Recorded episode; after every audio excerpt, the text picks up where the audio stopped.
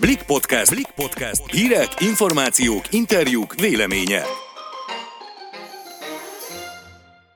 Sziasztok! Ez itt a Blik podcastje, június 10-én szerdán. Én Balázs Barnabás vagyok. Én pedig Sérlei Noémi. Ma a várólistákról fogunk beszélgetni annak apropóján, hogy kiderült a járvány miatt hány nappal kell többet várni egyes műtétekre. Ezt követően pedig Dorner Lajos, a Városi és Elővárosi Közlekedési Egyesület elnöke, a Láncít tervezett felújításának jelentőségéről beszél. Vágjunk is bele. Világszerte körülbelül 28 millió tervezett műtét maradhat el 2020-ban, és több beavatkozás is jelentősen csúszik. Egy brit egészségügyi szaklap szerint a halasztásban a daganatos megbetegedésekkel kapcsolatos műtétek a legkevésbé érintettek, hiszen azok általában sürgősségi életmentő műtétek, az ortopédiai operációkra viszont sokat kell várni. Viszont még így is 2,3 millió rákos ember életmentő műtétjét kell elhalasztani.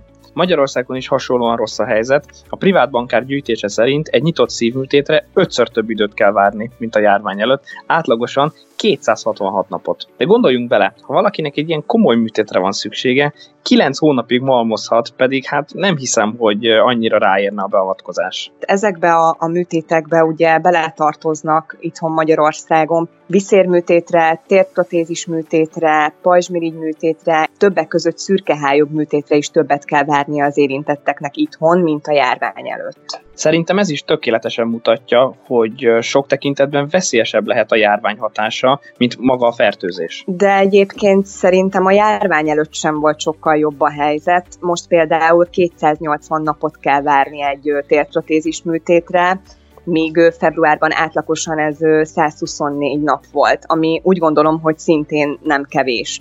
Főleg, mert a környezetemben is él olyan idős ember, akinek borsodban minimum két-három hónapot kellett várnia egy ilyen műtétre, és hát lássuk be, egy olyan embernek ez nagyon sok idő lehet, aki nagy fájdalmakkal küzd, és ezzel éli nap mint nap az életét. Az én környezetemben szürkehályog műtét volt pár éve. Ebben már régóta jól áll a magyar egészségügy. Ha jól emlékszem, a járvány előtt alig egy hónapot kellett várni. A várakozási idő viszont ebben az esetben is nagyon jelentősen megnőtt. Persze ez nagyon fontos azoknak a időseknek, akiknek megkeseríti az életét a látásuk radikális romlása. Épp ezért kimondani is rossz, de ez mégiscsak a kisebbik probléma, hiszen nem egy életbevágó műtétről beszélünk. Én belegondolni sem merek abba, hogy hány ember került most nehéz helyzetbe csak azért, mert nem hogy műtétre, de még egy vizsgálatra is sokkal többet kell várnia. Például van egy rokonom, aki havi rendszerességgel kap inekciót, és sajnos még ennek a beadása is csúszott pár hetet. Persze ez nem hangzik soknak annak, aki amúgy nem érintett, de ha valakinek szüksége van rá, akkor ez szintén nagy problémát jelenthet. Döbbenetes belegondolni, de a járvány alatt nagyjából a felére csökkent a műtétre várakozók száma, holott feltételezhetjük, hogy nem csodás gyógyulások ez, sorozata áll le mögött. Ez annak is az eredménye, hogy hónapokig ki sem tudták írni ezeket az embereket műtétre, sőt, ha nem sürgősségi esetről van szó, akkor még orvosi vizsgálatra sem tudtak elmenni. Ez érthető, de adódik a kérdés, hogy akkor mi lenne a megoldás. Tudjuk jól, hogy a BKV mellett az egészségügy az, amit az emberek részben egyébként joggal imádnak kritikával illetni. De én úgy látom, hogy a rendkívül bonyolult rendszer megújítása rendkívül nehéz feladat, amiben igazán senki nem mer belevágni. Ez nagyon is így van, viszont egy májusi kormányrendelet az ad némi reményt az embereknek. Ez ugye arról szól, hogy a jövőben, ha az ellátás sajátosságai megengedik, illetve nagyon fontos, hogy az orvos is úgy ítéli meg a helyzetet, lehet akár fizikai jelenlét nélkül, tehát anélkül, hogy bemenne bárki a rendelőbe, távoli diagnosztikát is végezni, akár gyógyszerfelírást, és még távkonzultációt is tarthatnak a, az orvosok. Itt szintén egy személyes példát ö, hoznék, hogy ez a gyakorlatban mit is jelenthet. Például, hogyha van egy torokfájós kisgyermek, akit el kell vinnünk ugye az orvoshoz, tegyük fel, hogy elvisszük, megnézi a doki, felír neki gyógyszert, hazaviszi az anyuka, apuka, és ha arról van szó, hogy visszamehet-e suliba, vagy oviba, vagy bármi ilyesmi, vagy menet közben valami felmerül, hogy anyuka úgy ítéli meg, hogy jobb lenne még két napot otthon lenne, akkor lefotózza az orvosnak a, a kisfia, kislánya ö, torkát, elküldik a, a dokinak a felvételt, ő pedig, ö, ő pedig nyilván megmondja, hogy mi a, mi a tendő, de fizikailag nekik nem kell visszamenni a rendelőbe. És amúgy ö, több szakértővel is beszélgettem korábban a témában, ők egyfajta részmegoldásként tekintenek a távgyógyításra, hiszen a rutin feladatok csökkenésével az orvosok ideje is felszabadul, több idejük maradhat foglalkozni a műtétek előkészítésével, sőt, akár még több műtétet is végezhetnek. Persze, amit mondtál, ez teljesen igaz, hogy rendszer szintű átalakításra lenne szükség. Fura ezt így kimondani, de szerintem a járványnak az egyetlen pozitív hozadéka, hogy rákényszerítette az egészségügyet, hogy jobban működjön, innovatív megoldásokat alkalmazzon, és talán ez hosszabb távon hatékonyabbá, vagy akár gyorsabbá is teheti az ellátást. A folytatásban Vajta Zoltán kollégánk beszélget Dorner Lajossal a Láncid tervezet felújításáról. Dorner Lajos a Városi és Elővárosi Közlekedési Egyesület elnöke a Big Podcast vendége, és a Láncidról fogunk beszélgetni, egész pontosan a Láncid hiányáról.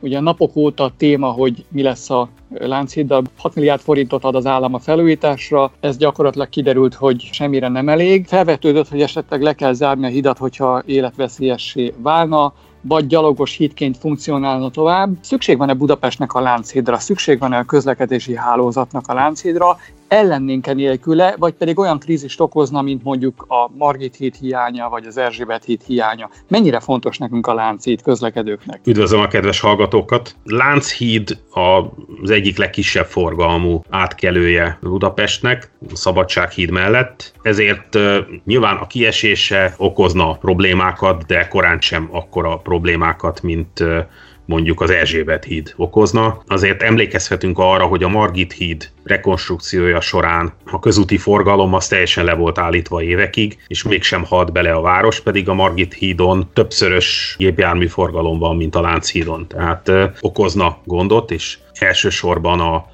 az autóbuszjáratoknak a kiesése okozna gondot azoknak a, az utasoknak, akiknek eh, emiatt kerülniük kellene. Város közlekedése szempontjából nem egy annyira meghatározó útvonalról van szó. Nyilván jó, hogyha van, de én azt gondolom, hogy a felújítás miatti lezárást eh, simán túlvészelni a város. Hogyha elmaradna a felújítás? Ilyen nincsen. Ezt meg kell csinálni. Nincs olyan, hogy elmarad, legfeljebb a kezdő időpont változhat, illetve az, hogy pontosan mi a műszaki tartalma a felújításnak, ami egyre inkább a, a teljes hídszerkezet csere felé mutat, de ilyen nincs, hogy, hogy elmarad, ezt, ezt meg kell csinálni. Akkor is, hogyha csak gyalogosok fognak rajta közlekedni, akkor is meg kell csinálni, mert ha tovább rohad a híd, akkor saját magát sem fogja tudni fenntartani. Egyébként az észszerű opció, hogy egy ilyen történelmi híd a belvárosban, aminek ugye az áteresztő képessége is kicsi, hát amikor tervezték, amikor épült, akkor még szó nem volt arról, hogy Budapest közlekedési hálózata, egyáltalán lesz közlekedési hálózat. A világ más nagyvárosaiban van-e példa arra, hogy az ilyen történelmi hidakat a város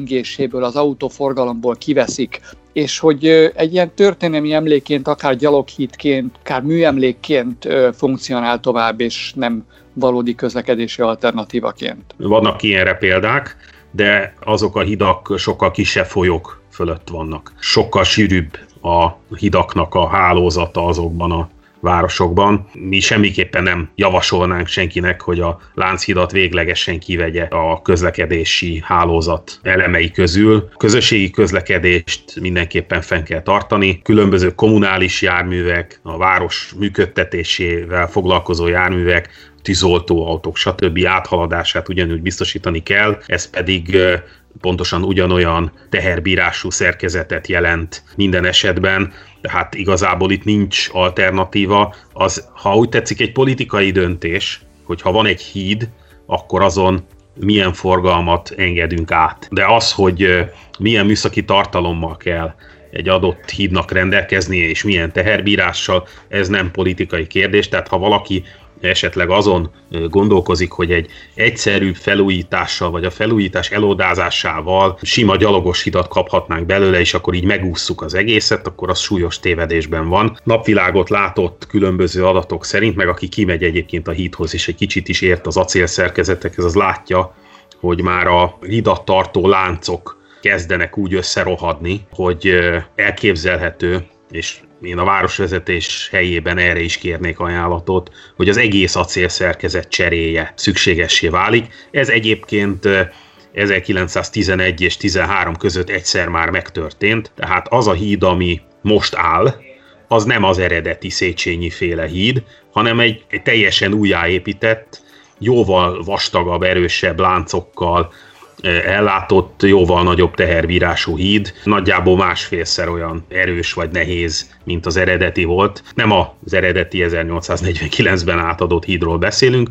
hanem egy 1914-ben átadott hídról. Hát nyilván az is most már elmúlt száz éves, amit egyszer föl is robbantottak, és többször volt nagyjából rendbehozva, de az eredeti anyagok, amik be vannak építve, azok 1911 és 14 között készültek. Meddig húzható legfeljebb a Lánchídnak a lezárása, felújítása? Meddig lehet még vitázni, hogy akkor mennyi pénz van rá, mennyi nincs rá? Eddig se lett volna szabad ezen vitázni. Ez egy nagyon szomorú szituáció, egy ilyen politikai adokkapoknak a részévé vált a Lánchíd ügye, pedig én azt gondolom, és szerintem egyáltalán nem túlzok, hogy itt Magyarország legismertebb jelképéről van szó, és az e fölött való áldatlan veszekedés és a felelősségnek az ide-oda tologatása, az sehova nem vezet. Valaki nyilatkozta, hogy a láncoknak a cseréje 10 milliárdba kerülne, azt még én még nem is tartom olyan soknak. Vannak olyan jelek, előjelek, amit a műszaki ellenőrök látnak, és, és időbe közben tudnak avatkozni.